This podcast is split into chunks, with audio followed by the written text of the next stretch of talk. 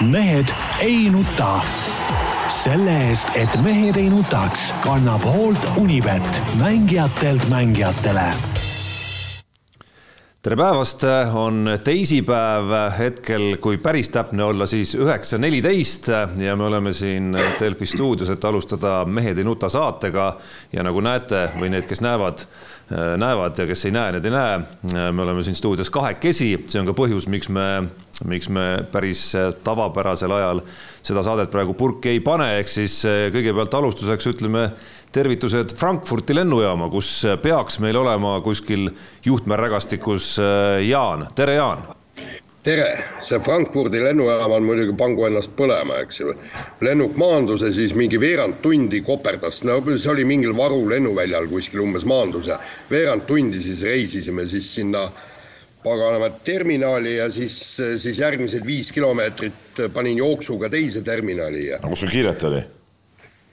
No et siia tulla, oleks ma rahuliku sammuga läinud, siis ma oleks alles poolel teel praegu olnud. no sinu. ikka Tallinna, Tallinna lennujaam on ikka kõva noh. sinu kõndimistempo juures äh, oleks see pidanud suhteliselt lihtne vaev olema, teadupärast on tegemist maailma kõige kiirema kõndijaga siiski. ei ta oligi, ma, ma ütlen, kui ma oleksin kõndinud tavalises noh, maailma kõige kiiremas tempos, eks ju selge pilt. poolel teel praegu, aga ma hakkasin jooksma. aa, selge pilt, et kui sa oleks Peebu või Tarmo kiires tempos kõndinud, siis sa oleks poolel teel, aga kuna sa kõndisid Jaani kiires tempos, siis sa oled juba ammuilma kohal, aga siin äh, meie, meie stuudios siis äh, kuidas see kõlaski, Peep, korrektselt nüüd, äh, mul on sassis täitsa, Peep Pahv Vasalemmast, Keilast äh,, erikorrespondent, treener äh,, isa äh,, abikaasa jäi midagi veel mainimata äh, vihane mees praegu. jaa, vihane mees, et Jaan, Jaan oli, Jaan oli kergelt asja. pahur, aga Peep on ikka väga vihane. mul on mitu asja küll. ma väga loodan, et mul õnnestus natukene rahustada teda saate eel, aga väga kindel ei ole. kõigepealt ma tahan teada, kas need meie Rubinniku mehed, kas nad suudavad meid telekaga sisse lülitada, kas üldse see saade käib kuskil praegu, mina näiteks siit äh, meie ekraani pealt ei näe midagi. äh, no ei ole näha kuskil, noh teiseks, heli on minu arust ka kuidagi nagu üle.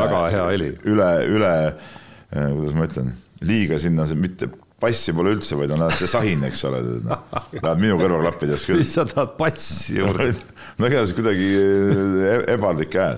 Jaan on tuntud tenor, kas Jaan, nüüd... Jaan on tuntud tenor minu arust, et ja. tema hääles ei olegi passi. kuule, aga nüüd hakkab nagu põhiteemaga pihta. ja no ma ütlen ise ka tere, Tarmo Paju ja. ütleb tere tere teile. ja ma olen ka siin. tähendab, enne kui see saade üldse pihta hakkab, ma tahan ütelda, et, et, et ma isegi ei tea no,. Tarmo käskis mul siin rahulikult võtta, aga aga no see, mis korraldas mingisugune Taavi Sepp, kes kunagi oli, töötas ka siin meie majas, eks ole, mingisuguse nõiajahi kõnnitee serva peal parkimisega no,. Urmas Sõõrumaa pihta, no halloo, no kui see on mingisugune ajakirjandus, siis jumal hoia, no ma tahaks kapata nii kaugele kui võimalik sellisest ajakirjandusest ja, ja mitte midagi sellisega tegemist teha, sest no see on ju debiilsus kuubis, noh. ajada inimest tagasi, küsida, et miks te seal telefoniga rääkisite, mis see sinu asi on, selleks on politsei, eks ole, see ei ole mingisugune, mingisugune fotograafi, mingisugune tond, tondi küsida, tead, no ei ole sinu asi küsida ka, miks inimene seal pargib, kuniks ta sööki võtab, no halloo, no ja siis teha sellest ja Postimees paneb selle üles ka, no, täielik totrus, noh. see on, see on lihtsalt haige ja, ja siukeste sihukeste nii-öelda ajakirjanike pärast on nagu häbi ja, ja, ja piinlik, et nad sihukese asjaga tegelevad, tegelege mingit päris asja. no riskides siin sellega, et Peep veel rohkem närvi läheb muidugi, siis äh, siis autoroolis telefoni kasutamine võib, ei olegi okei okay.. see ei ole mitte kellegi teise asi. kuidas ei ole, ajakirjanduse asi ei ole? ei, muidugi ei ole, no mis nalja teed. kus see piir jookseb? kuule, ma räägin, tee mis tahan autoroolis, ma, ma söön, joon, teen mis tahan autoroolis. ei, ma mõtlen, mis rikkumiste puhul siis, kus see joon jookseb, et kust algab ajakirjanduse Kule, põhjendatud huvi ja kus mitte? liiklusrikkumised on politsei teema ja mitte ei ole, ei ole kellegi teise mingisuguse samasuguse tavainimese küsida, miks ma nii teen, mis sinu asi on? no samamoodi võiks öelda, et dopinguga võitlemine on ah,, on dopinguküttide teema ja spordiajakirjandus. ära hakka nüüd näppu ja seda sammust võrdlema. ei no võiks öelda ju mis võiks öelda? see on teine asi hoopis. no miks? see on täiesti teine asi, noh. ja peale see, mis see inimene tuli, sõitis parkimismaalt välja, rääkis telefoniga, noh, ja sa hakkad sellest tegema nüüd mingit, mingit video, mingit jura, tead parkis kõnnitee peale õhutuled, ma pargin iga päev niimoodi, kui vaja, kui mul vaja sinna minna kaheks minutiks, võtan asja, kuhu ma pargin selle auto siis, noh. keda sa segad seal, tead, noh. kedagi ei seganud, see on lollus kuubis, noh. täielik debiilsus, noh nii, Peep, aga nüüd võtame Jaaniga koos hoopis sinu personaalküsimuse ah,. minul pole siin midagi küsida. absoluutselt, sinu personaalküsimus algab ikkagi ja on seotud meie saate esimese teemaga, mis loomulikult ja sujuvalt on korvpall ehk et Keila korvpallikool sai oma. ei ole mingit Keila korvpallikooli. no mis ta on siis? Keila korvpall KK noh, ei ole korvpallikool. mis see KK tähendab siis? korvpallikool tähendab äh, seda lasteosa, meistriliigas on, on korvpalliklubi nime all noh ei ole, need on kaks erinevat asja. ehk siis kuidas on korrektne, Keila, KK esindusmeeskond. nii, ühesõnaga Keila sai oma esimese võidu kätte, Tartu klopiti kahekümne punktiga üles. Äh, enne kui me tuleme hooaja eesmärkide kohendamise juurde Jaaniga, äh, mis paratamatult kaasneb sellise edu järel aga mida teil on siin kohendada? meil on kohendada, meil on, Jaan, loomulikult kohendada väga palju, eks siis esimene küsimus on see. ei, absoluutselt. et mis, mida te selle veega seal jamasite nüüd siis? kas see on nüüd siis nagu mingi meeste, meeste, meeste selline tähistamine? kust sa tead, see vesi oli? no ei olnud või? no kust sa tead? ei no minu teada no, oli no,, minul on andmed, et oli vesi. aga kust need andmed sul pärinevad? kas lükkad ümber? ei, ma ei lükka midagi ümber. Võib-olla oli, võib-olla mingi parem vedelik. no, no vasta siis, mis see oli? ma ei pea midagi vastama, võistkonnas ise asi. ahah, et mis riietusruumis toimub, jääb riietusruumi sisse no selge, no. aga oli ikka filmida vaja ja kõik ega üles laadida igale poole, kui üles märjaks pritsite. huvitav küll jah, et, et ma saan aru, et, et elu on raske, aga no selle paar pudelit šampanjat oleks ikka võinud. kasvõi seda mingit odavat, noh, tegelikult kõige parem oleks olnud see Polus Latkoja, siis oleks Peep mõnusalt. aga kohe näha, et ei ole nagu võistkondade äh, elude ja kommetega väga kursis, nagu te soga siin ajate. nii. mis nii? See veega kastmine on ju väga levinud kommevõistkondades. no aga šampanja oleks ikkagi noh, nagu hoopis teine tera. too aega teed šampanjat. ei, sa jooma ei pea seda no. siis. aa, mis asja, nüüd on mingi uus dimensioon, et keset hooaega alkohol äh, nulltolerants. ei, mitte seda no šampanjat tehakse ka siis, kui võidad mingisuguse asja. seni käib nagu harjutamine, muidu kon... vanasti asus Konsum seal ülikooli spordihoone vastas, asub siia. aga mul jäid sokid maha, ma käisin enne mängus sokke ostmas. et sealt oleks kas.... muidu ma oleks, muidu ma oleks pidanud nagu mingi Tolevanka olema, äh, mustad kingad, äh, tume ülikond ja, ja, ja mingid beesid sokid. Või, või noh, teine küsimus on see, et kas, kas meeskonna bussis ei ole siis nagu valmis paari nagu šampanjapudelit selliseks konkreetseks juhtumiks ikkagi et ei olnud nagu võiduks valmis, ütleme niimoodi. see, mis meeskonna bussis on valmis, ei ole nagu jälle kõrvaliste isikute asi. nii, mis, mis järgnes? kus? no bussis. sõideti koju. mis siis veel järgnema pidi? no ma küsin, sa, sa oled ikkagi propageerinud kogu aeg seda, kuidas õige spordimees, ütleme siis tähistab ka vastavalt, et kas siis tähistamine oli vastav või ei olnud? no oli nii, palun, palun äh, täpsemaid fakte, andmeid. aga homme oli, ütleme nii, et järgmine päev oli trenn. nii. nii no see ei ja. ole seganud, see teadupärast äh, ei ole seganud äh, maailma spordi ajaloos veel kunagi mm., kunagi tähistamast.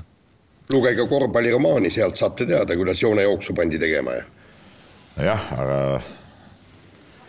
kuule, see ei ole, nagu ma ütlen, see on, mis võistkonna sees on, see on võistkonna sees, ega siin ei ole mingi ajakirjandus mingid äh, nuhid, eks ole, siin nuhivad, tead, no täpselt nagu, täpselt nagu see, nagu see Taavi Sepp, sama, samasugune nuhk oled, tead no.. nii, aga nuhime edasi siis.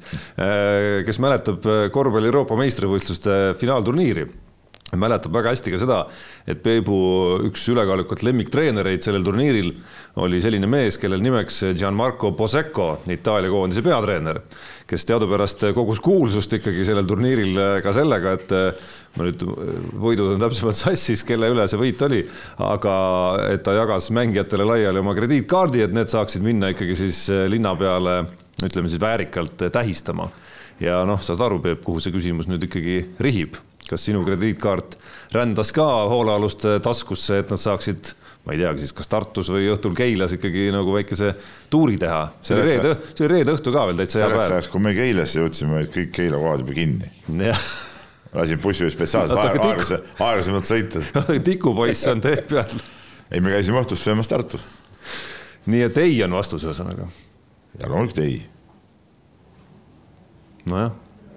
no aga mis, mis sa mõtlesid siis, et, et äh, võidame ühe mängu ja siis. Äh, no aga Poseko võitis no, ka ühe mängu no,, siis ega ta maailma, ega ta Euroopa meistriks ei tulnud. jaa, aga no see oli, nendel oli nagu järgmine päev oli vaba vist või, ei olnud või? mäletan täpselt seda EM-i värki, see on nii ammu juba. no Jaan, sa oled vanem mees, mis sa, mis sa kostad selle peale, et sa kuulad kõike seda ja ma usun, et seal Frankfurdis müristab juba selle kõige peale.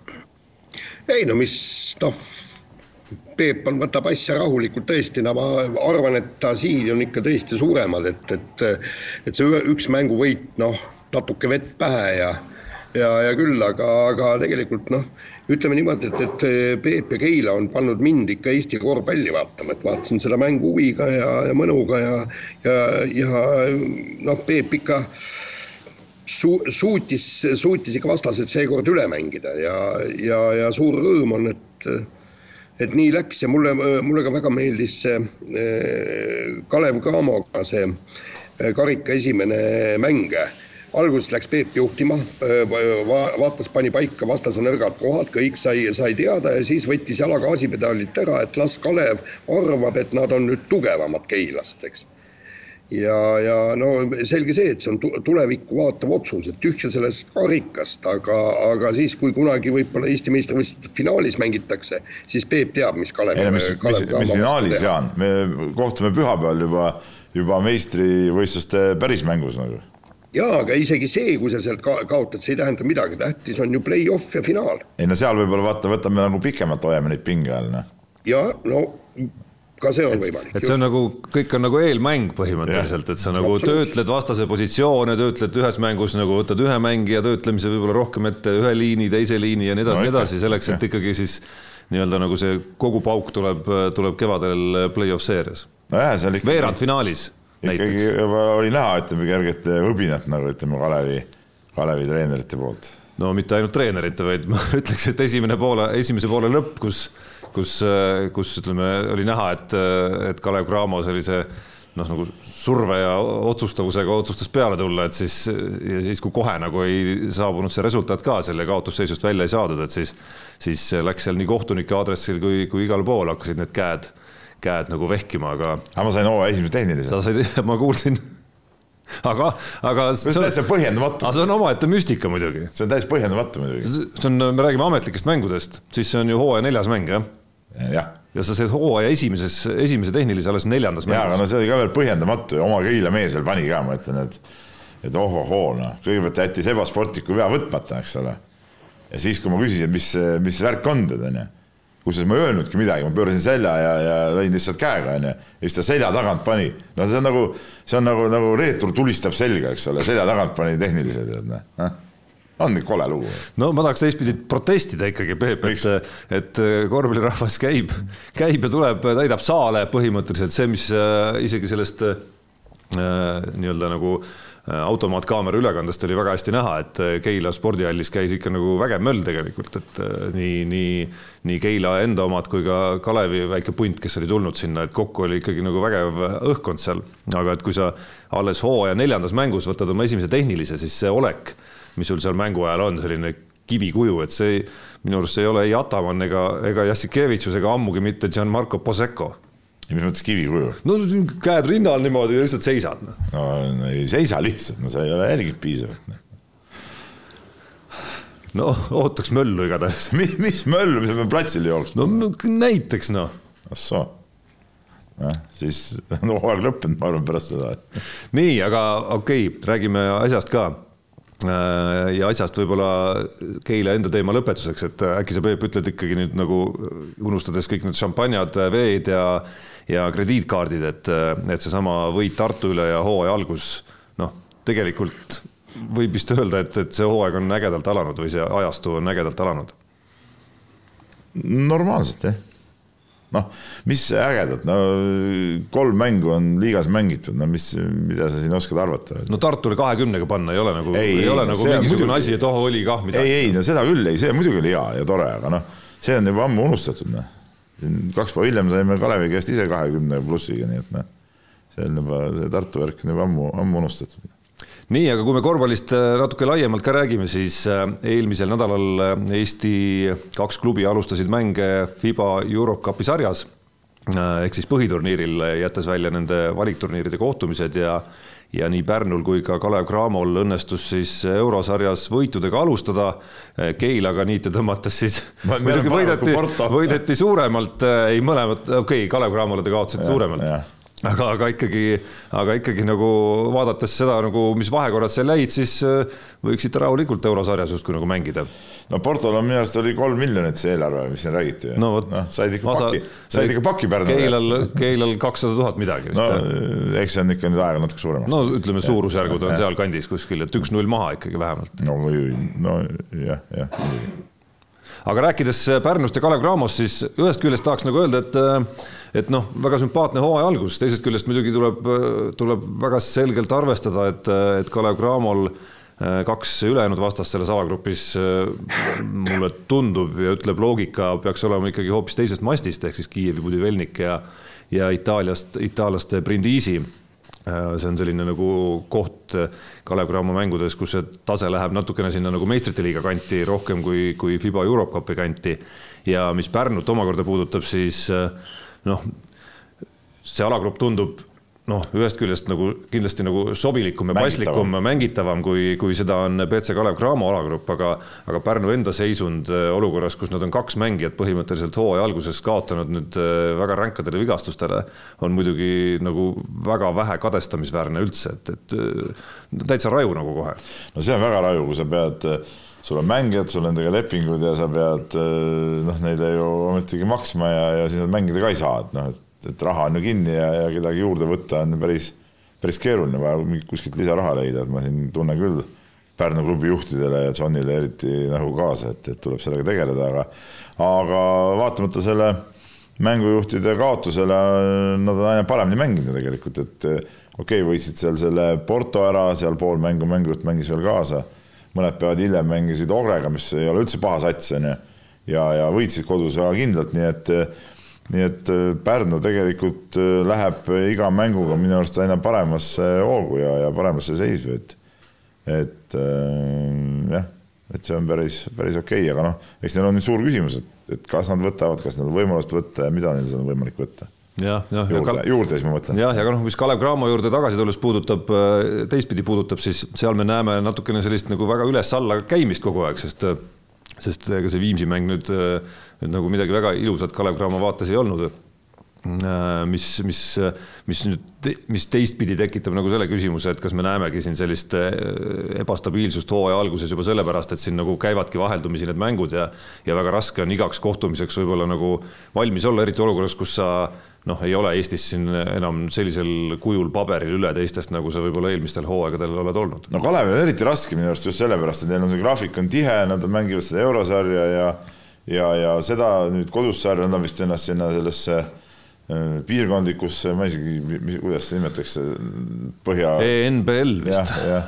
et, et sinna ka ennast kirja panna onju ja, ja, ja nendel on see hooaja algus väga tihe olnud, et noh, ja sellest ka need kõikumisest, ega see okei okay,, Viimsi kaotus noh, nad tead, olgem ausad, see karikamäng ka, et ikka esimene poolaeg noh, oli see samas rütmis, eks ole, noh siis nad muidugi näitasid, et nad on ikka võimelised ikkagi niisugust hoopis teise leveli mängu ka mängima ja, ja, ja said sellega väga hästi hakkama, et, et, et eks neil, eks neil on raske jah, ega see koosseis nüüd nii, nii võimas ei ole, et, et igal rindel kõik need tihedad mängud maksimumiga panna ja, ja kui seal mehi hoitakse ka ühes mängus ühed mehed ja mängida teises teises mehed, et no siis paratamatult see tase ongi natuke kõikuv, sellest peab aru saama ja ma arvan, et ei ole, ei ole mõtet nagu otseselt Kalevi meestele siin midagi ette ka heita, et nende see põhiasi praegult äh, siin oktoobri, novembrikuus on ikkagi see eurosari, et, et, et andku seal, seal kuuma nii palju kui tuleb samas sellist hoiakut nagu, nagu selles samas karikamängus Keila vastu, see on, no ma ei näinud esimest veerandaega, ma ei näinud, aga kuskilt teisest veerandajast ma hakkasin nägema seda ja ja, ja mida mäng edasi seal ütleme, teine-kolmas veerandaja, eks see kaitsesurve, mida nad üritasid seal nagu takjatena nagu tekitada, see on miski, mida tahaks nagu kogu aeg näha, just nagu see hoiaku ja suhtumise pool just, ükskõik, kas sa mängid Keilaga, Viimsiga. no aga sa mõtled nagu loogiliselt ka, ega sa ei suuda nelikümmend minutit sihukest survet mängida siis. no sul ei ole nii palju nii palju neid survemehi, et sa nelikümmend minutit hoiad, hoiad sellist survet, et okei okay,, noh, siin ütleme meie noorte vendade vastu ja, aga ütleme, et seal eurosarjas no see. ei no ma räägin, ma räägin kodusest kamarast, noh kasvõi seesama Viimsi näiteks. no jaa, et, et seal. sa mängid kaks päeva järjest, kuidas sa ette kujutad, sa mängid mängid äh, laupäeval, mängid pühapäeval. aga Viimsi mäng oli enne, seal oleks pidanud no. nagu veel, veel rohkem. no eks nad mõtlesid ka ikkagi natuke selles suhtes nagu ma arvan, et Rannula ja, ja Reinbok ja need on targad vennad, et, et ega nad mõtlevad ka ikka peaga, et noh, mis mõte äh, või, või ega nad ei saa selle esimese mänguga ennast ära tappa, kui järgmine päev on jälle mäng tulemas, no et, et äh, see noh, need asjad ei käi päris nii. Noh. no Rannula olekust pärast mängu, Viimsi mängu ma mõtlen siis, õhkus siiski välja nagu rahulolematust, et seda et sellist suhtumist ei suudetud nagu selles mängus, Viimsi mängus siis ikkagi kuidagimoodi väljakule, väljakule tuua. no see ei see, et tahtsid võita, aga ega nad kaotama läinud, aga ma ütlen veelkord, et no see ei ole nagu realistlik, et, et sa paned kaks päeva järjest äh, mingit ilget pressi ja siis äh, niimoodi asjad käivad. No,, ei, ei ole nii. Nii, aga vahetame teemat, läheme põrinate juurde, ehk siis selle teema juurde, miks Jaan on hetkel Frankfurdis, kus ta on peagi edasi sõitmas siis Barcelona poole.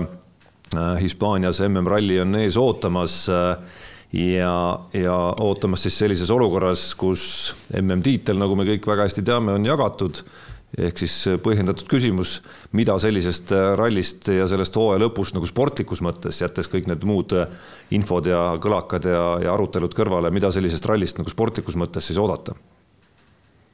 ei no mis seal on oodata kindlasti seda, et, et Ott Tänak läks võidu peale välja, et et, et kena jälle üks, üks esikoht tasku panna, aga, aga sportlikus mõttes nagu muud ei olegi siin väga püüda, noh nagu Mm, Tänak on ju varemgi öelnud, et, et, et mingi teine-kolmas koht MM-sarjas teda ei huvita, et täitsa ükstapuha, ta on teine, kolmas, neljas.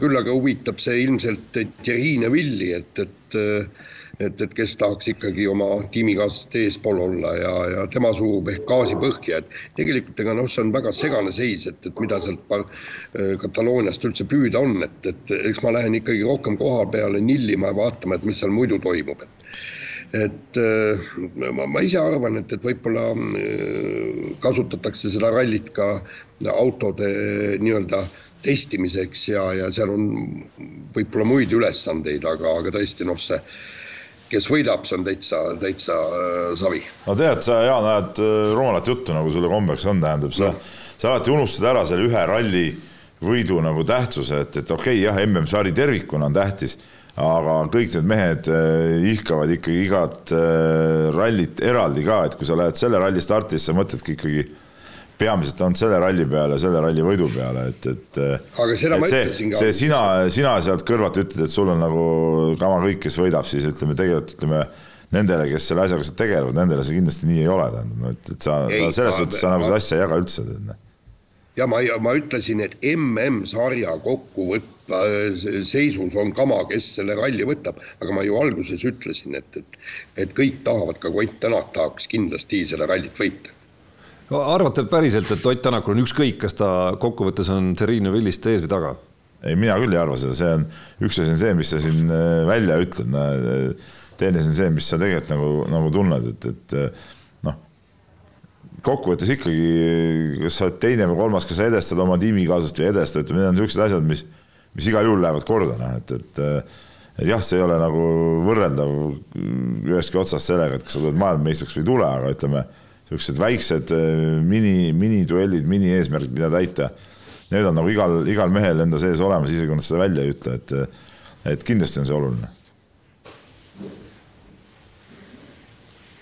Jaan ei arva midagi selle peale. Jaan ei arva midagi selle ei, peale ei, ma, ma, ma lihtsalt arvan seda, et, et ma ei oska, ma ei, ma ei näe maailmameistri hinge, et kui sa oled, sa, sa oled võitnud tiitli ja, ja tegelikult on noh, järgmised hooajad olnud paras pettumusega, see hooaeg on olnud pettumus. kui me vaatame, eks ju, alates Sardiinia rallist on ju äh, Tänak kogunud rohkem punkte kui Kalle Rovanpera ja ta võib aimata, et ta on ikka meeskonna peale pettunud, et, et, et lihtsalt, lihtsalt täiesti lampi venitati kummi, hakati uut autot ehitama alles pool aastat hiljem kui kõik teised, eks et ma saan, ma, ma saan aru, et noh, sa, sa jätad ehitamata või mis, aga lihtsalt lükata töid edasi pool aastat ja mõelda, kas, kas või, kas ehitame või ei ehita või kõik see, et, et sinna, sinna nahka see ütleme, mitte tiitel, aga võimalus heidelda tiitli pärast, sinna see nahka see kadus. Aga no huvitav nüüd muidugi see, et, et siin viimaseid Oti kommentaare ka vaadates, et see tonaalsus nüüd oli nagu täielikult äh, muutunud, et ei tea, kas Hyundai'ga on saadud äh, uueks hooajaks äh, ikkagi nagu kokkuleppele, et jätkab seal või? ei tea absoluutselt, noh kõik, kõik need jutud, kõik need värgid, kõik, mis ei, igal pool ringi tiirleb ja ega ma võin ju sinna minna küsima tõesti, eks ma lähen ja küsin ja. vastused, vastused sa ei saa, selles suhtes need küsimused on nagu mõttetud, ma soovitan sul rohkem siiski keskenduda sellele rallile endale, et, et aga lihtsalt ma räägingi, et, et nagu tundub, et mingisugune tonaalsuse muutus on olnud, et, et siin võib, võib olla see seotud kas sellega, et, et siin on kaks varianti muidugi, et et kas läheb ära ja on, on juba nagu ükskõik, eks ole, ja siis ütleb, et oi, me oleme siin head tööd teinud või või siis ikkagi äh, kõik äh, läheb edasi ja, ja lihtsalt, äh, lihtsalt niimoodi sõbralikkuse märgiks natuke ka võtab, võtab neid tuure maha noh nojah, see oli huvitav te,, Terrine Vill, noh, ta, tema räägib üldse hästi palju ja, ja üsna segast juttu ka, aga ütles, et Oti jätkamine võib sõltuda sellest, kes saab äh, Hyundai's uueks äh, bossiks. ja, ja noh, kolmas variant on see, et, et uue bossi nimi, nimi on teada, aga pole veel välja hõigatud ja Ott Tänak on sellega rahul ja. ma arvan, et see on ja, kõige tõenäolisem variant muidugi.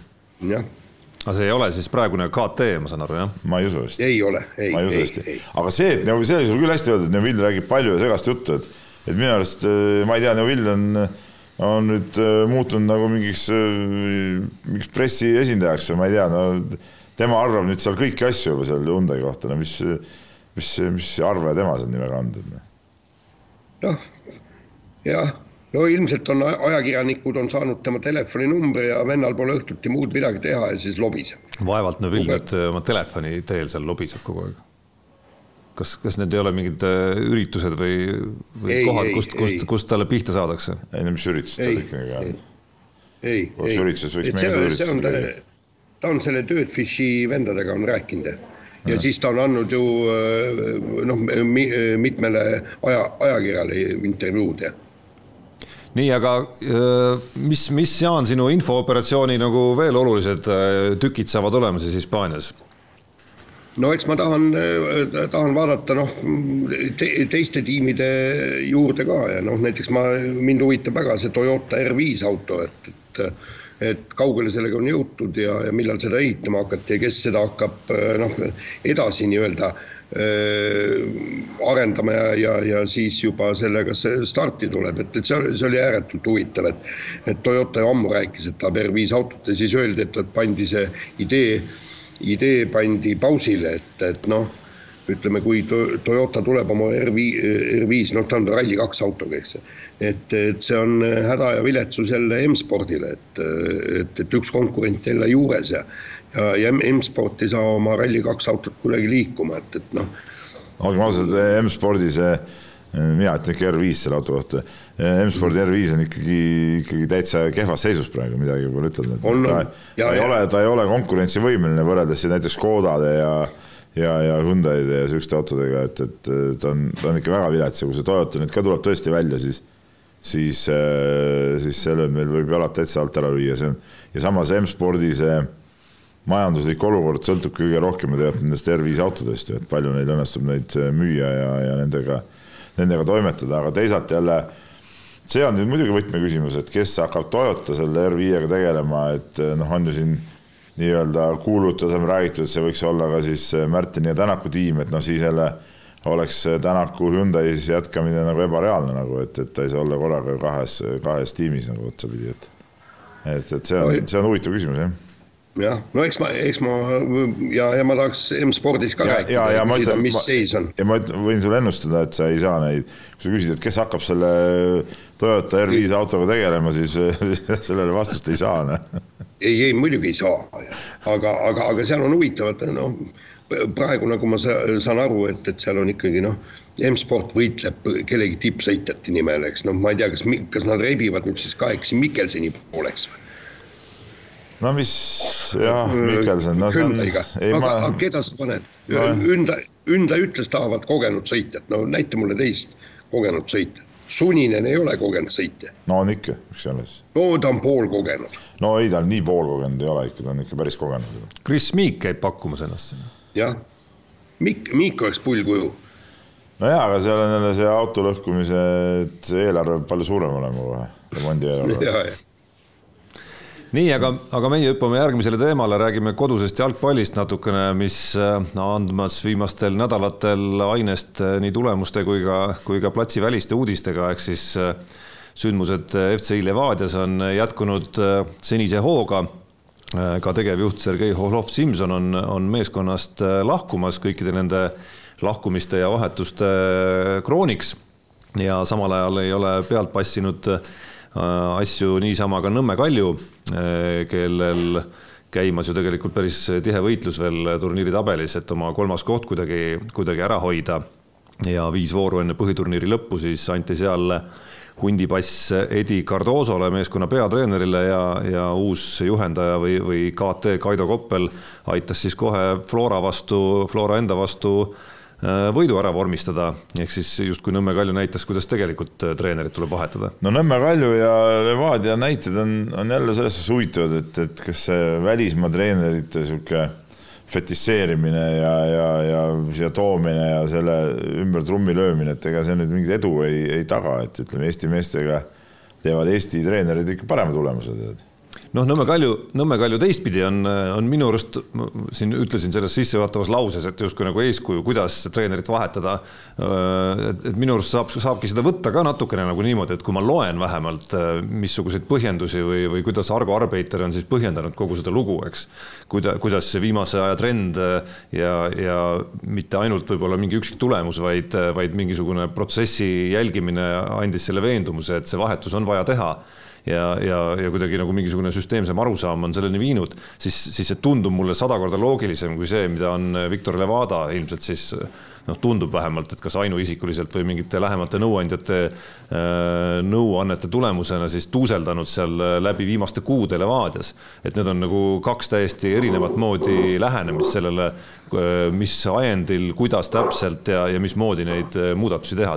ei, sellega ma olen nõus, sellega ma olen igal juhul nõus, et, et et Kalju see tegutsemine oli, oli korrektsem ja, ja, ja, ja õigem, eks ole, et noh, see, mis Levadias, et Levadias asjad on jamad, see näitab nüüd, ütleme, okei okay,, läksid siin ära, need treenerid siin löödi ära, noh, läks kink ära, nüüd Ohlov Simsoni minek ka, no see, see on juba, näitab ikka täielikult, et kogu see süsteem on ju seal kokku kukkunud ja ja noh, nüüd üritatakse selle mingi uue ime, imevenna abil seda kõike üles ehitada uuesti, et noh, jälle mingi võõras mees ja, ja toimetab siin, et ma ei saa nagu seda küll kuidagi heaks kiita sest no, no kõik, kõik need uudised, kõik need uudised Levadiast on ju hästi loogilised, mis on nüüd tulnud, et Tarmo Kink ja Holov Simson samamoodi, et, et ka nendel meestel endal ei ole ju, äh, kui, kui see otsustusahelad käivad klubis niimoodi ja, ja noh, okei okay,, ma fetišeerin seda avalikkuses selgitamist siin võib-olla nagu üle, aga tegelikult äh, minu arust mitte, et see on ka oluline osa. et kui veel sellest äh, justkui nagu mingisugust arusaama ka kellelgi ei ole, et miks neid tehakse ja kes neid täpselt teeb, et siis, siis, siis puudub minu arust ka Holov Simson, Simsonitel ja Kinkidel igasugune nagu mõte ja, ja mõistlikkus äh, seal, seal ka nagu edasi tiksuda olukorras, kus äh, nad justkui on pandud mingitele ametipositsioonidele vastutama, aga praktikas äh, justkui nagu kõik mäng käib üle nende peade see on sama no, nagu. Oleks... no ja ei, sa niimoodi, niimoodi sa ei saa teha lihtsalt, noh, sa ei saa, sa ei saa selja, noh, ütleme selja tagant sudides või, või üle, üle nende, üle nende vendade, kes nagu igapäevaselt peaks sellega tegelema, noh, sa ei saa niimoodi neid otsuseid vastu võtta, no see, see mingi null usaldust saab niisuguse klubi vastu olla ja no nüüd on tegelikult huvitav vaadata, kuidas see Levadia siis üles ehitatakse, nüüd nad peavad ju absoluutselt kõik nii-öelda juhtkonnas kõik klotsid paika panema ja siis, siis keegi no neil ei ole siis, nagu ma saan aru, et praegu spordidirektorit ei ole, ega need tuleb ju asjad kiirelt paika panna, sest ega see järgmine hooaeg väidetavalt hakkab juba veebruaris. no see koputab juba uksele nagu ütleme nii.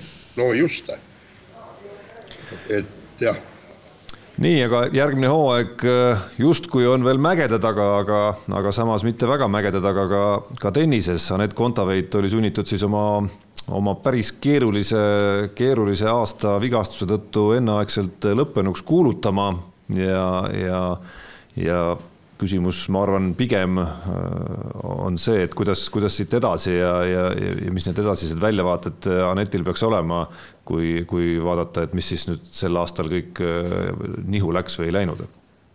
no ütleme niimoodi, et, et see, see hooaja lõpp kus, kus ju Anett ise ütles poole hooaja pealt, et, et ta valmistub spetsiaalselt hooaja lõpuks, kuna siis on tal palju punkte kaitsta ja ta tahab ikkagi püsida seal kõige teravamas tipus edetabelis ja, ja ja, ja kõik see. Ja nüüd see, see vigastus, noh ma ütlen, et, et natukene kahetsusväärne on meil, meil see, et et teades, kuivõrd Anett Kontaveit Eesti rahvale peale läheb, et teda tullakse vaatama, inimesed jälgivad teda ja ja, ja jälgivad tema mänge ja kõike.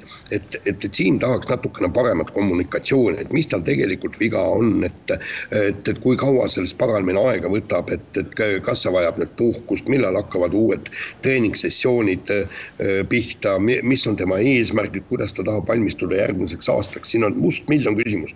Aga, aga me kahjuks, kahjuks vastust ei tea ja siis me istume siin ähm, nagu kolm tuhmakat laua taga ja räägime Anett Kontaveidist teadmata absoluutselt midagi. No igal juhul, mis ees tundub ootama, on, on selline nagu restardi olukord natukene nüüd, kus maailma edetabelis tuleb, ma nüüd peast ei mäleta, oli see teise kümne lõpp või kolmanda kümne algus päris, et kuhu see, kuhu see maandub pärast seda, kui kõik need punktid on maha läinud, mis ta eelmise aasta, kalendriaasta lõpus siis sai.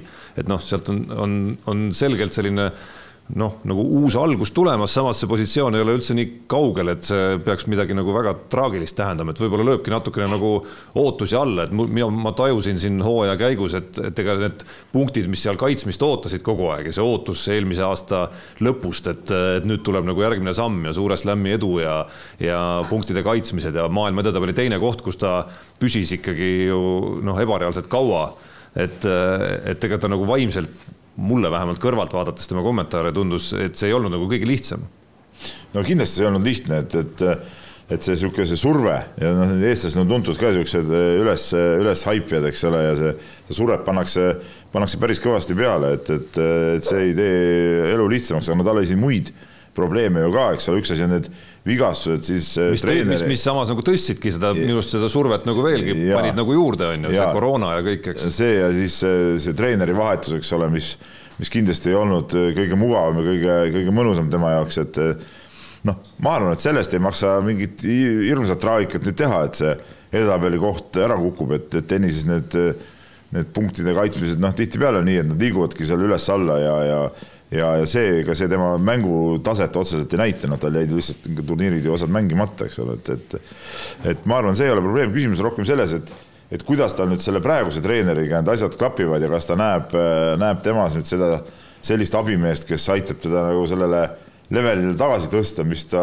mis ta oli, eks ole, ja, ja ja teine oluline küsimus on see, et, et kas, kas kõik need tervise ja need muud aspektid nagu lubavadki üldse äh, võimalikult kiiresti hakata seda tööd tegema, et, et selle taseme tagasi tõusta lihtsalt, no et need, need on need niisugused vastuste küsimused ka natuke, nagu sa ütlesid ja ega meil nagu väga head nagu näidet ju ei olegi, et, et väga pikalt äh, seesama koroona ja selle järelmid noh, ütleme hoidsid teda siis tagasi, eks, ja, ja selgelt äh, panid mingid limiidid peale, et, et mida ta siis näidata suudab väljakul. Ja, ja siis tuli see Tallinna turniir, mis oli justkui väga noh, andis optimismi kindlasti ja ja noh, nüüd tuli vigastus, mis lõpetas ära, ehk et, ehk et nüüd peabki uut äh, aastat lihtsalt ootama. no hoiame pöialt, muud ei jää üle ja paluks infot ka äh, Anett Kontaveidi poolt natukene rohkem ja mitte ajakirjanikele, vaid just Eesti rahvale. aga äh, kui nüüd äh, tsiteerida või siis parafraseerida Aivar Rehemaad, siis äh, ilmselgelt on rallihooaeg lõppemas, et tuntakse huvi ka suusatajate tegemise vastu, vähemalt niimoodi tervitas siis Aivar Rehemaa Jaani, kui Jaan talle kõne peale tõmbas, et uurida, kuidas läheb Eesti suusatajatel. Ja mida Jaan siis teada sai, oli see, et Eesti meessuusatajad Aivar Rehemaa käe all on saanud super tipp-topp ettevalmistuse, kõik laagrid ja puha.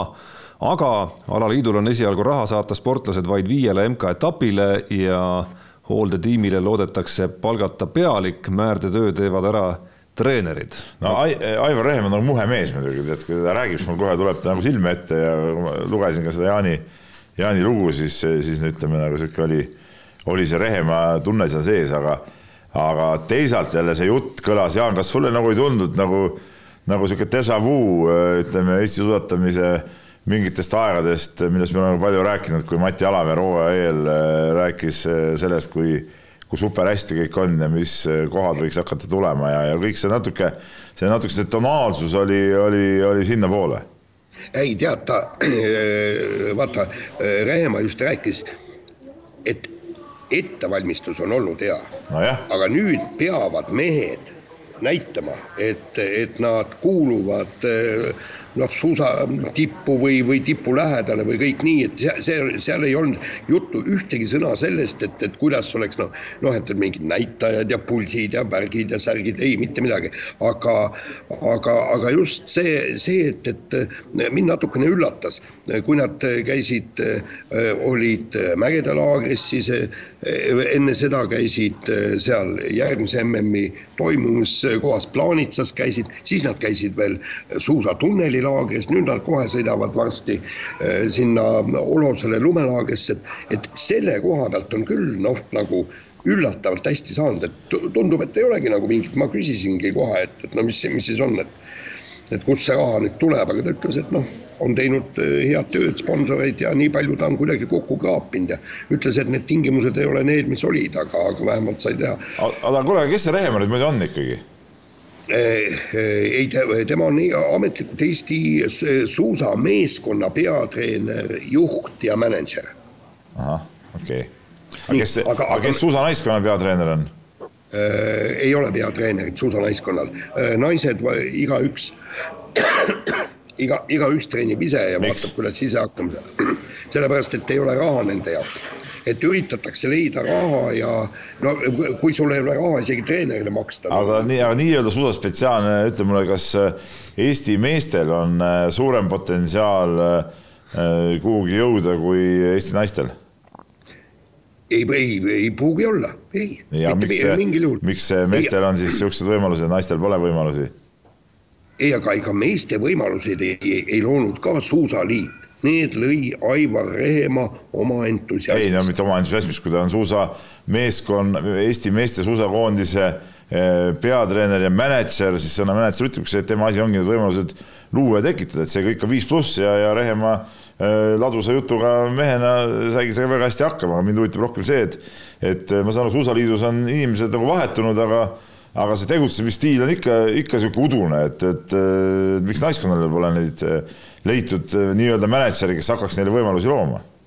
no otsivad, otsivad ma tahaks lugeda, Jaan, ma, sina nii-öelda suusaspetsina, ma tahaks lugeda sinu sulest nagu neid lugusid, tead, sa teed niisugust, niisugust umbluud tihtipeale, aga, aga tegelikke asju ei küsi, tead, miks sa neid asju ei küsi, ma ei saa aru. Noh. ei, miks ma ei küsi no,, no, no nii, nii, kus vastused no, on? mulle, ei mulle öeldi, et nad, nad otsivad raha. Kes äh,, kes otsib? suusaliit, suusaliidu peasekretär ütles mulle, nad otsivad raha ja võimalusi, et eh, naistekoondist ka ellu kutsuda. Nad just alles, alles tulid suvel eh, uued inimesed sinna tööle, nüüd võitlevad ja möllavad.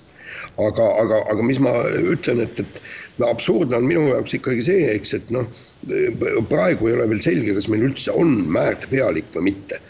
esimesest detsemb-, novembrist loodetakse mees paika saada, eks.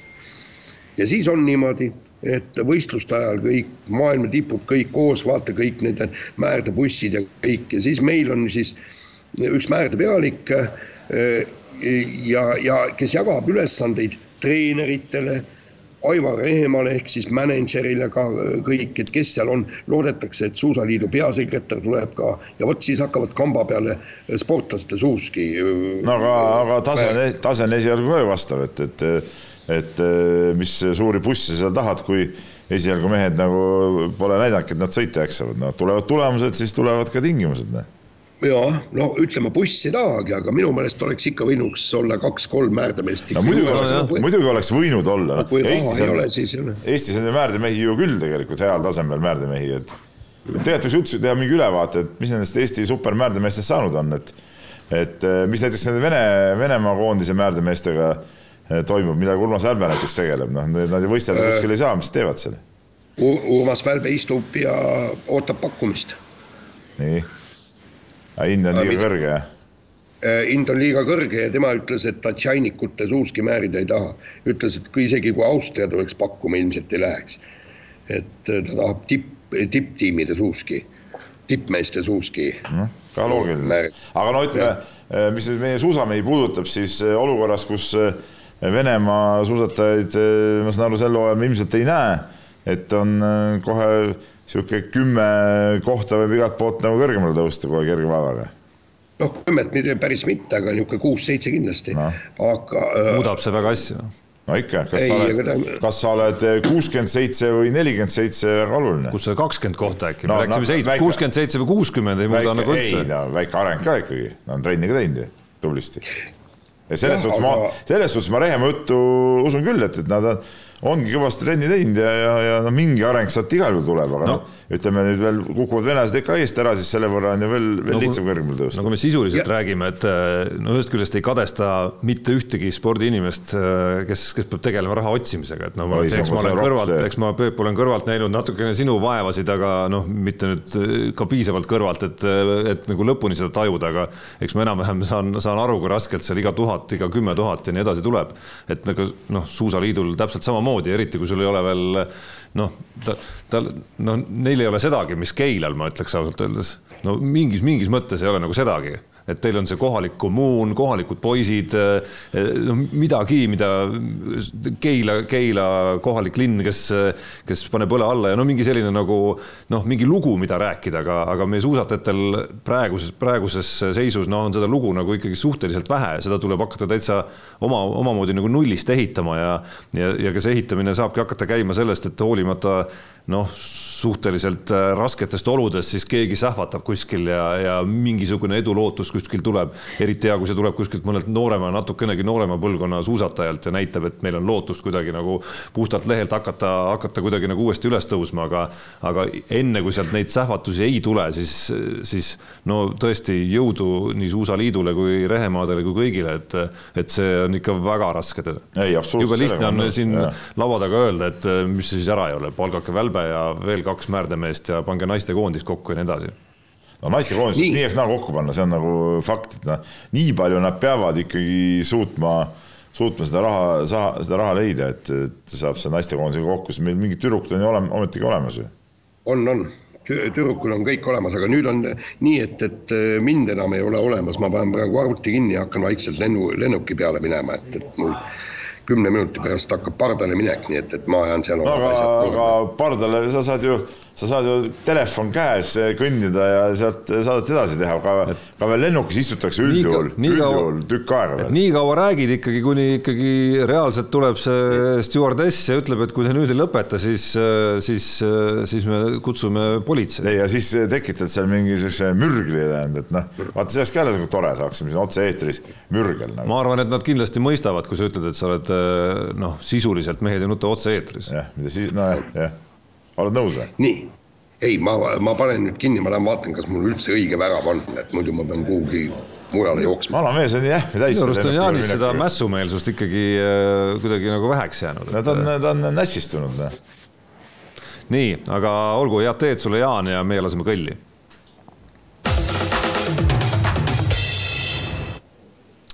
nii jah, et mässumeelsusest rääkides äh, mulle siin mingi hetk, äh, nädalavahetusel just meenus äh, see minu esimene kokkupuude, mida ma olen siin saates meenutanud vist ka paar korda vähemalt Jaaniga, kuna natukene sai valmistutud siin selle nädala üheks Euroliiga ülekandeks, kus üheks osaliseks on Tel Avivi Maccabi, kelle peatreener on Odette Kataš, kelle üks mälestusväärne seda lugu äh, mälestus ja mälestus pärineb omakorda Kalevi spordihallist, äh, kus ta nelikümmend üks punkti viskas Eesti noortekoondise vastu ja, ja kuidas siis Jaan seal pärast mängu käis treenerit õpetamas, mismoodi oleks pidanud selle, selle härrasmehe seal väljakul ikkagi nagu ohjes äh, hoidma, aga meie jätkame siit natuke lühemate teemadega ja, ja naaseme korvpalli juurde.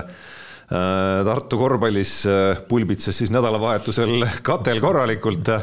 ja noh, tegelikult ka nagu laiemas mõttes päris huvitav, et, et karikavõistluste loos viis siis sellisel moel Tartu Rocki, selle Tanel Teini äh, meeskonnaklubi, äh, kes siis teisest liigast hakkas sel aastal ka päriselt oma meeskonnaga tulema. ja Tartu Ülikool Max ja Mooritsa kokku, aga sellest mängust asja ei saanud, sest et äh, Rock tegi palve see mäng edasi lükata, viidates siis mängijate haigustele ja ja sellele, et paar mängijat peavad olema ära matustel, aga Tartu Ülikooli sats siis ütleme siis vastu ei tulnud sellele palvele ja, ja kokkuvõttes jäi see mäng siis mängimata. noh, eks see, eks see natuke veider oli see, see palvegi ise, et, et no mis no mehi peaks olema nii palju, seal pole vahet, kellega sa mängima lähed, et, et. no teise liiga satsil neid mehi ei saa vist väga nagu no, olla ikkagi. võta, võta lahti, neil on seal ikkagi, ma pakun välja ikkagi täis eh, rohkem kui kaksteist meest nimekirjas, et, et, et äh, midagi teha pole, noh, et, et sa pead. Aga no sa pead olema valmis mängudeks, sisulist vahet ju poleks olnud, noh, ütleme seal eh, vaadates, kuidas Rock on ka teist liigat alustanud.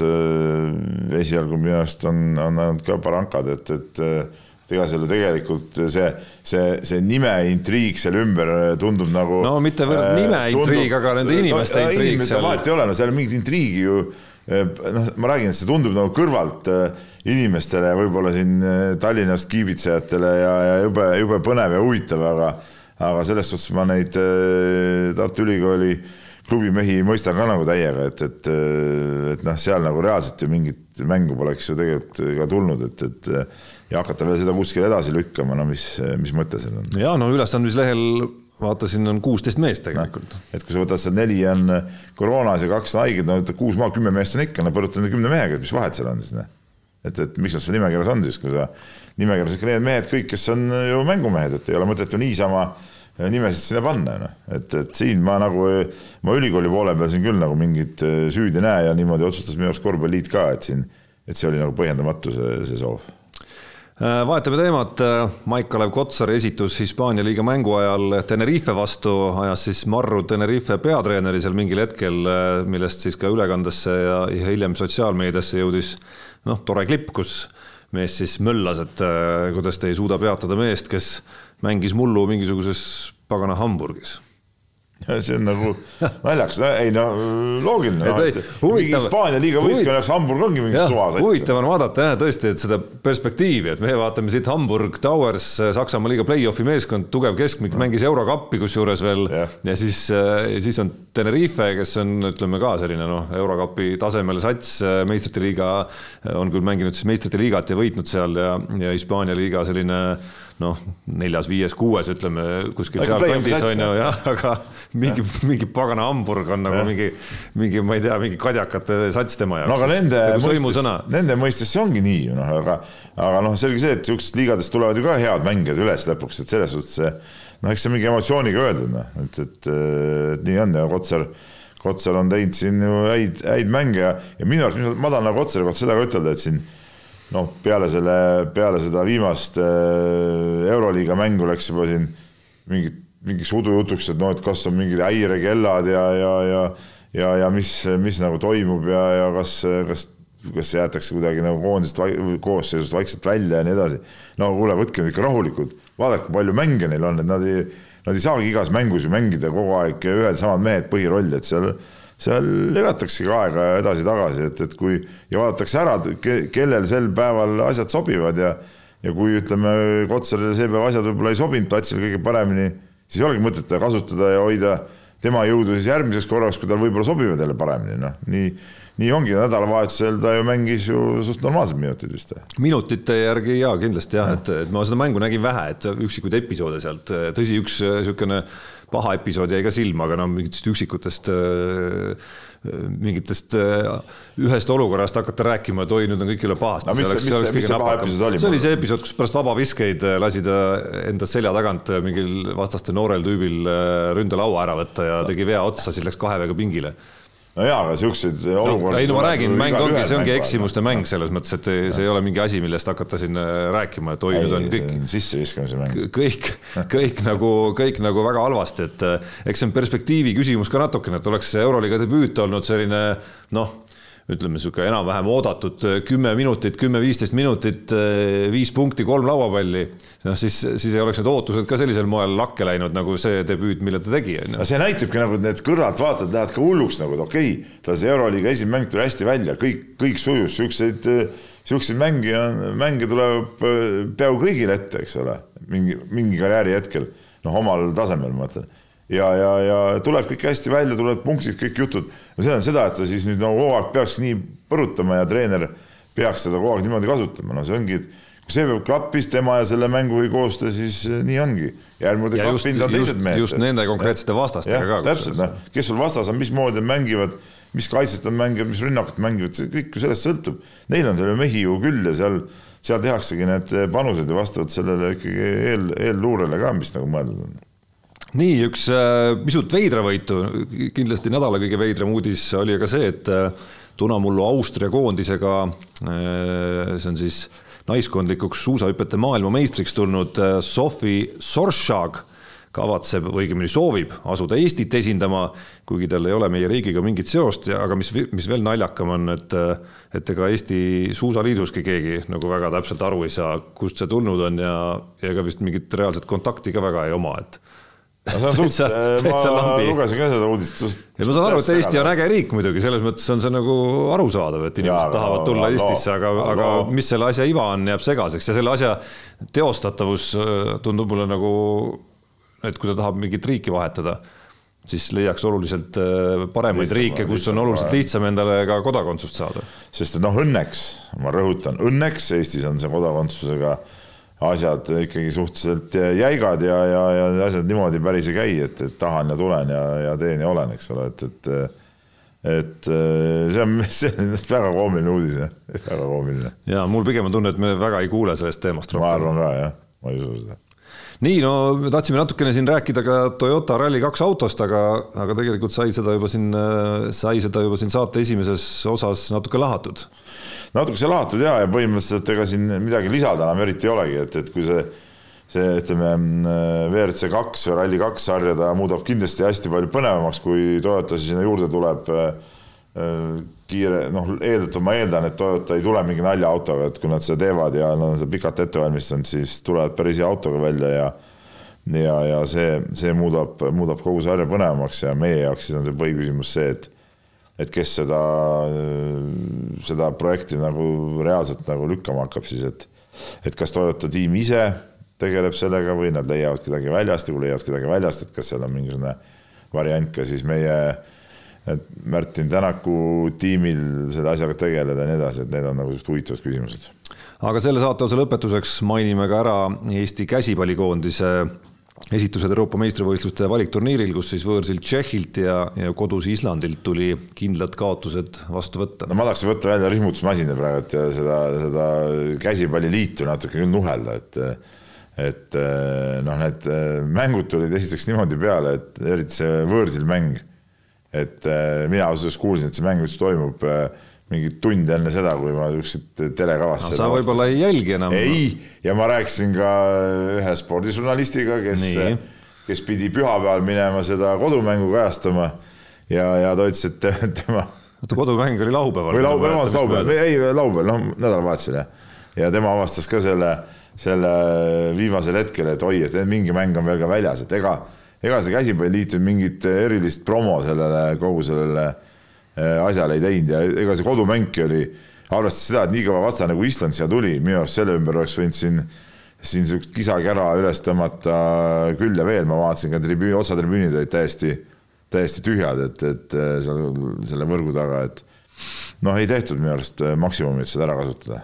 et kuidagi ära on vajunud see käsipalli, käsipalli sihuke, ma ei tea, no mitte buum, buum on vale öelda buum oli siin võib-olla, kui Põlvas eriti kunagi üles tuli, aga. see oli väga ammu. aga, aga ütleme, kogu see koondise sihuke asjataaž on kuidagi ära vajunud. no samas, kui ma vaatan, löön kasvõi enda, meie enda arhiivi sisse nüüd käsipallikoondis, siis, siis ma näen, et siin selle nädala ja natukene rohkem jooksul nagu ühikuid on päris palju ilmunud iseenesest selle, selle eel, et, et käsipalliliit ja mul on tunne, et käsipalliliit on seal ise ka nii mõnegi teatega olnud selle, selle nagu initsieerijaks.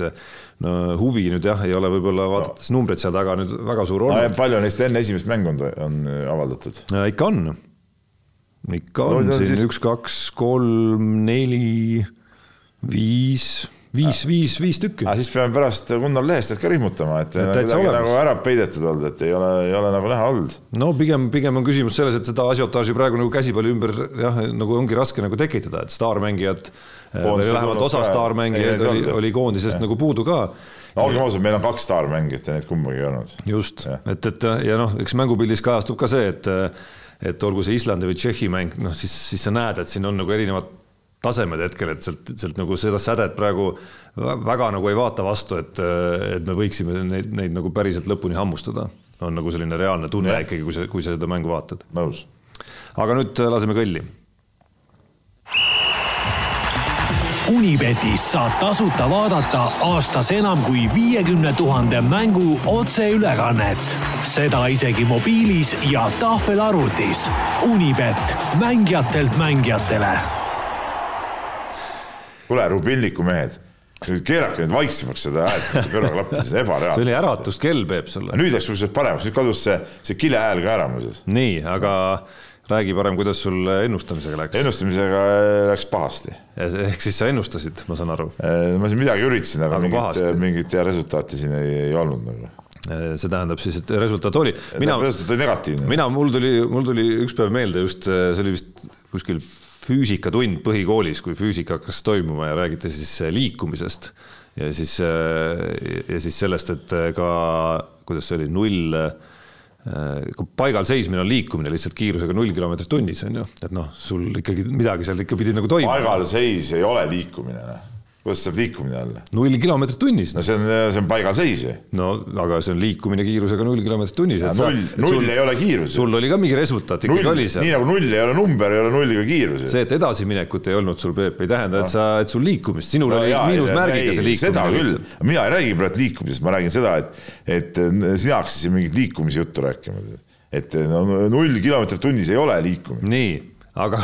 aga no üldiselt mitte midagi ei tulnud. selge, minul on üks üks edulugu või edulugu, ütleme üks selline lihtsalt niisugune väike seiklus ette näidata, mis, mis nagu muljetamise mõttes võib-olla on isegi huvitav, et, et kui Kalev Cramo mängis Groningeni vastu oma eurosarja kohtumist, siis sai seal kuskil mingil mängu algusfaasis tehtud panus sellele, et Kalev ei võida rohkem kui üheteistkümne punktiga eeldusel, et no kuidagi arvestades, et, et Kalev Cramo ei ole nüüd nii veenev olnud siin hooaja alguses, et Groningen eh, on enam-vähem sarnasest klassist vastane ja küllap tuleb hästi põnev kohtumine ja pigem tasavägine. Eh, see kohtumine oligi tasavägine, aga viimase paari minutiga venitas Kalev selle vahe äkitselt kümne kanti, siis tuli seal veel lõpusekunditel vist olid vabavisked, see vahe oli kolmteist aga õnneks Euroopas mängitakse korvpalli ikkagi lõpuni välja nendes alagrupi faasides. vastased võtsid time-out'i õnneks siis minu jaoks ja selle panuse jaoks üks koma üheksa sekundit jäi ja siis, siis visati sealt selle ühe koma üheksa sekundiga kolmene sisse veel. nii et see vahe läks kümne peale ja täpselt samamoodi nagu ma olin vist Eesti-Leedu mängus augustis kaotanud ühe panuse toona siis Kristjan Kitsing koputas selle kuskilt lõpust, lõpus ära siis kolmese joone tagant, siis täpselt samamoodi sain ma, sain ma selle nüüd siis tagasi. Äh, mis puudutab eripanust, äh, siis äh, see on panus, mida on, olen maininud siin juba vist korra või paar vähemalt, see puudutab Hispaania rallit ja seda, et, et Ott Tänak jõuab selle esimese kolme hulka, koefitsient on üks koma seitse, no kui ta sõidab probleemideta lõpuni, võiks, võiks see ju üsna kindel olla, et ta kolmikus on. no või... ja kui ta, kui nüüd tehnika vastu peab ja ei, ma usun küll, et, et kolmikus on, on igal juhul jah, ma siin mängin ühte ühte ennustusmängu ka, siin on siin Eesti meestes tehtud WRC, WRC mm, ennustust ja, ja ma muidugi ei hakka siin oma konkurentidele ära ütlema, aga ma panen äh, Tänaku, panen, ma arvan, hea koha peale.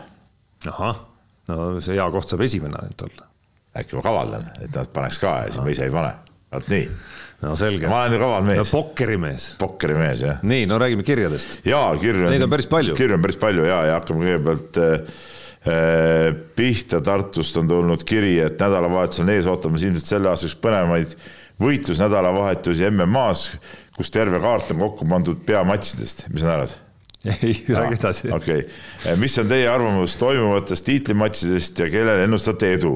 Tean, et Peep ja Jaan soovivad selles väga kaasa rääkida, see oli ilmselt huumorivõtmes kirjutatud. Äh, samuti võite arutada selle üle, kas boks on täiesti allakäigutrepil ja mis hetkest on MMA eesotsas UFC-ga vaadatuima võistlusspordi eh, nagu üle võtmas.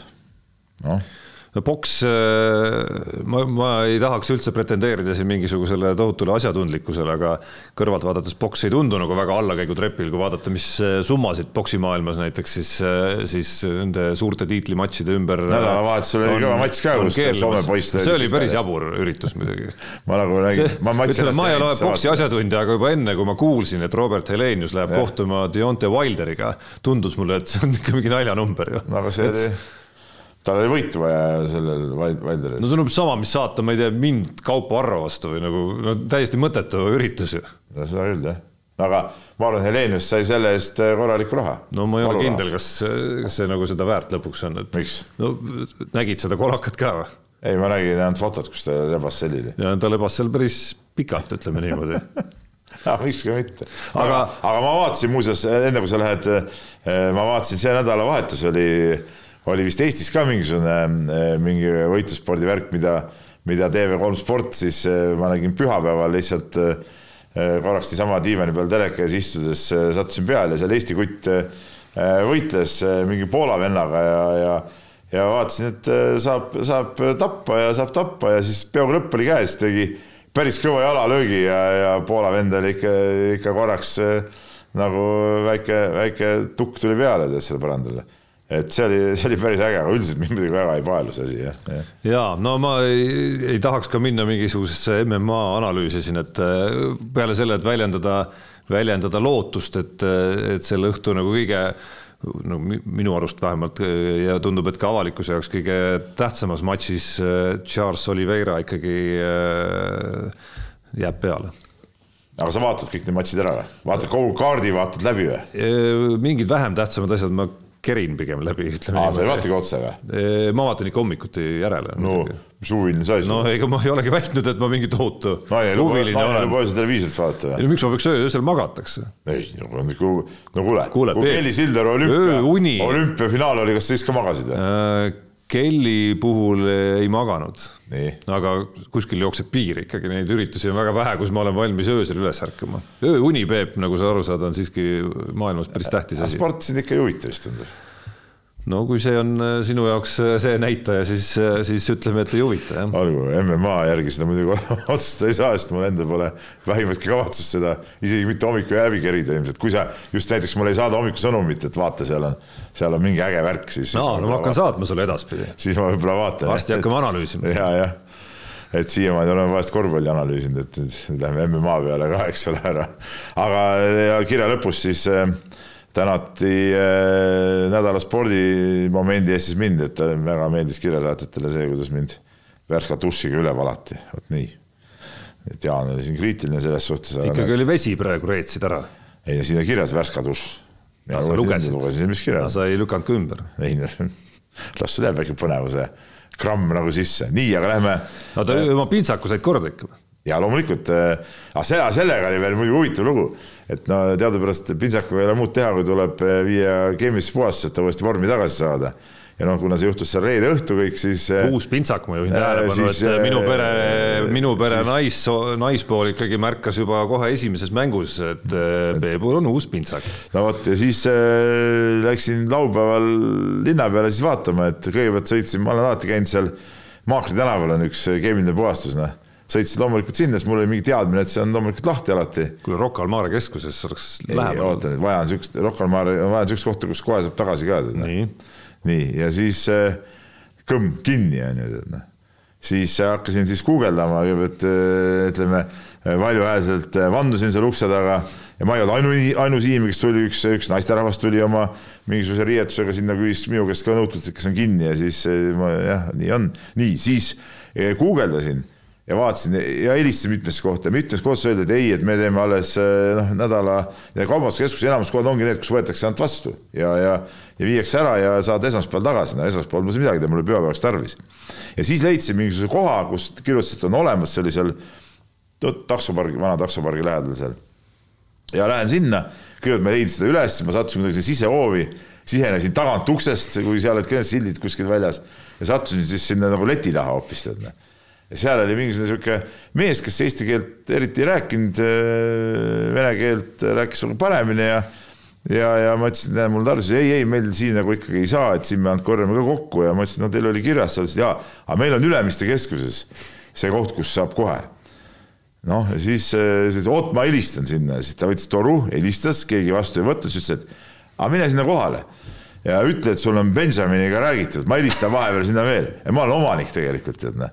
Nii, põmm, läksin sinna ja kohe öö, ütlesin, et see on see Benjaminiga oo kohe võeti vastu, tehti ära, noh, võeti telefoninumber, et no ma ütlesin, et mul tuleb pühapäev alles kätte saada, et, et ma noh, lähen linnast ära, et, et ma ei jää siia passima ja ja, ja, ja muidu sellist järjekorda olid ka järgmisse nädalasse.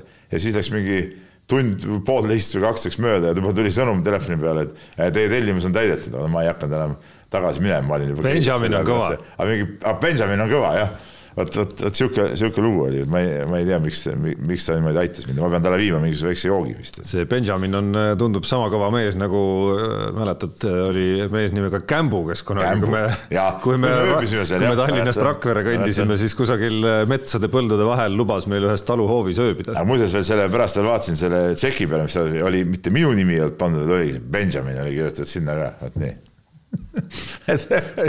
päris äge oli. nii, aga nüüd Villem äh, Soomest kirjutab meile, see on ralliteemaline kiri ja, ja kõlab nii, et kõik räägivad sellest, äh, kas ja kus Tänak jätkab järgmisel aastal, aga ise küsiksin, et kui mõtelda, Tänak on kolmkümmend viis, Neuvill kolmkümmend neli, Evans kolmkümmend kolm, kui need mehed jäävad paari-kolme aasta pärast kõrvale, kellega siis Roompere äh, hakkab võidu sõitma?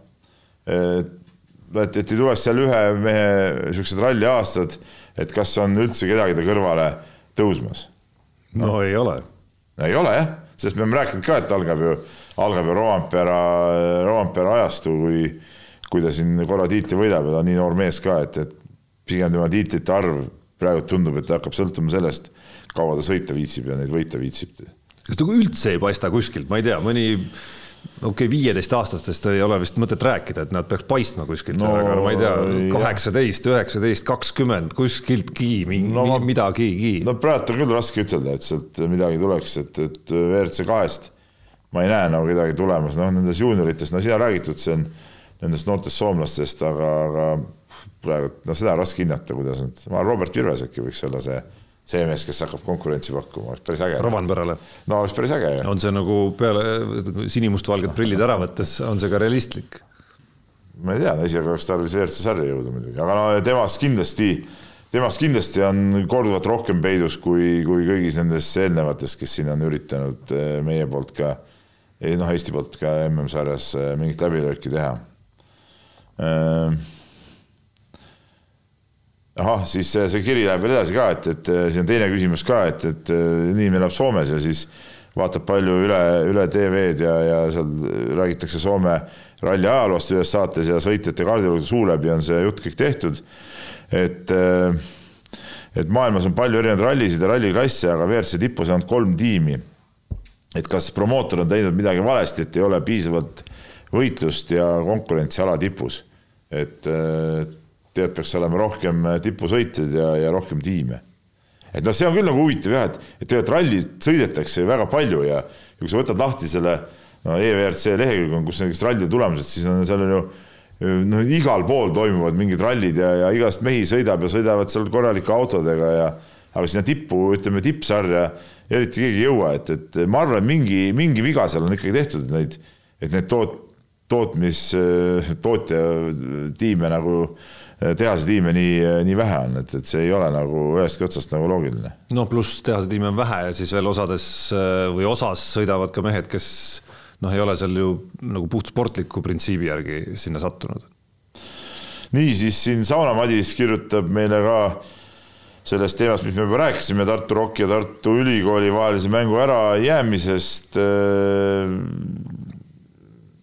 ja, ja, ja toob siin välja, et noh, Tartu jutt tihedast graafikust, et see on need kolm mängu viieteist päeva jooksul. Ehm, noh, et see ei ole nagu mingi, mingi eriti, eriti tihe graafik ja, ja, ja noh, toob siin välja, et see on tegelikult nagu, nagu pealtvaatajaid karistatakse isikute vaheliste solvumiste ja, ja väikluse pärast, et, et noh, aga no ma ütlesin ära, mis ma sellest asjast arvan, et, et noh, kui sul on tiim, siis, siis, siis peab, peab suutma ikkagi meeskond välja panna ka siis, kui midagi, midagi puudu on.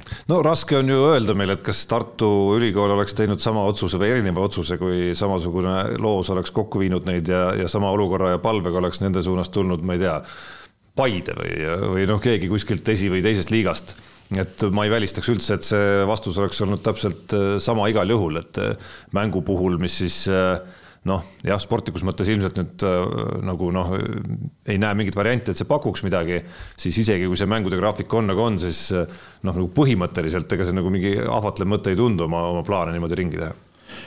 Ja teadlase Priidiku eelmises saatesse kirjutatud kiri, kuna me tegime ka saate tookord, salvestasime varem ära, siis, siis see ei jõudnud, jõudnud eetrisse, ta kirjutab ka siin, et väga hiline kiri, et ehk jõuab siiski eetrisse lasta, noh nüüd, nüüd paneme siis nädal hiljem et ta meenutab, et me rääkisime siin ähm, ühes saates Peep Jõgist, äh, meenutasime teda. Ja see tõi ta küsimuse juurde, et kes on siis ikkagi olnud läbi aegade Eesti andekam korvpallur, edukusega on asi ju lihtne, saab kokku lugeda efektiivsuse ja kulbid ja liigad, aga andet-, andetuse, andetusega, andekusega, sorry, siiski hoopis raskem, sest isiklikest otsustest lähtuvalt ei ole tihtipeale oma potentsiaali realiseeritud, seega kas Eesti andekam korvpall on olnud Martin Müürsepp, Peep Jõgi, Tanel Tein või keegi teine et tuleks arvestada muidugi ka nende karjääri aega ja füüsilisi mõõtmeid.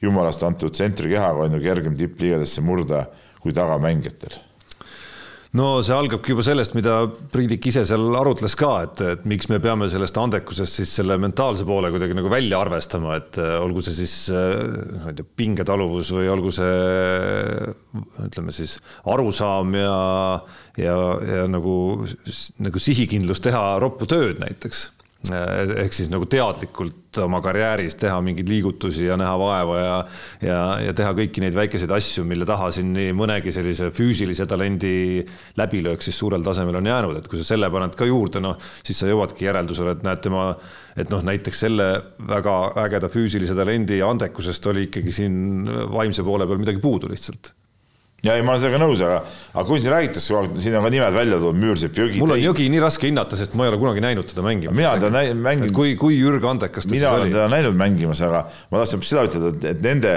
siin on toodud need nimed välja, niisugused standardnimed ka natuke, aga tegelikult, et kas me siis arvame, et näiteks Jaak Lipso oli vähem andekas või? no mul veel raskem hinnata no,. et äh, isegi mina ei mäleta Lipsot äh, mängimas, ma mäletan hästi-hästi väikse poisina äh, mingeid mälupilte, et Lipso ja, ja siuksed Thompsonid ja need mehed on olemas, eks ole, mängisid. aga reaalselt ega mul mingit, mingit mängumälestust nendest eriti pole, noh. no et, et ma ei tea, lisaks olid seal ju kunagi mingid Mart Lagad ja mingid äh, siuksed mehed, kes olid ju ka mingid Jürg Andekad, noh okei okay,, seal ka see, see muud mingid viinavigad ja, ja need asjad tulid juurde, et, et, et äh, ma arvan, et ega tegelikult siukest kõigi aegade andekamat paika panna tegelikult ei olegi võimalik noh, selge on see, et meil, puudub, meil puudub ülevaade tegelikult ju. Ja, ja sihukest inimest polegi olemas, kes mäletaks ju mingeid eh, viie-kuuekümnendaid eh, aastaid nii hästi, et, et suudaks panna, ütleme, need toonased mängijad tänapäeva eh, mängijatega kuidagi nagu ühte konteksti või, või, või mis see kontekst üldse peaks olema, kuidas neid võrrelda, no see ei ole võimalik nagu. Noh, selgelt Martin Müürsepp oma ajas, noh, kellest on juba lihtne rääkida, kuna oled teda näinud ju noorest korvpallurist saadik, et oma ajas äh, nagu see nii kehaline andekus kui ka siis nagu korvpalli mõistmise IQ ja, ja kõik, kõik see pool, noh, oli ikka nagu väga kõrgel tasemel, eks. et, et ma usun, et kindlasti ta mingite muude valikutega oleks võinud olla, võinuks olla pikemalt NBA-s ja mängida seal, mängida seal kõrgemal tasemel, kui ta lõpuks jõudis mängida või, või ka Euroopas samamoodi. aga Lipsal olid ka NBA pakkumised ju. absoluutselt. et noh, selles suhtes noh, me ei saa neid ühele joonele panna. nii on. tõmbaks otsad kokku vist no tõmbame siis otsad kokku, ehk siis, äh, ehk siis loodame, et järgmisel teisipäeval saame vahelduseks äh, olla siin juba otse-eetris ka kell üksteist laua taga, nii nagu kord ja kohus ja nii nagu see saade meil, mis siin salata, aga kõige nauditavam ikkagi läbi aegade alati on. igatahes tänud kuulamast, vaatamast, kes iganes, äh, mismoodi seda teeb või tegi ja kohtumiseni uuel nädalal. mehed ei nuta saate tõi sinuni Unibet, mängijatelt mängijatele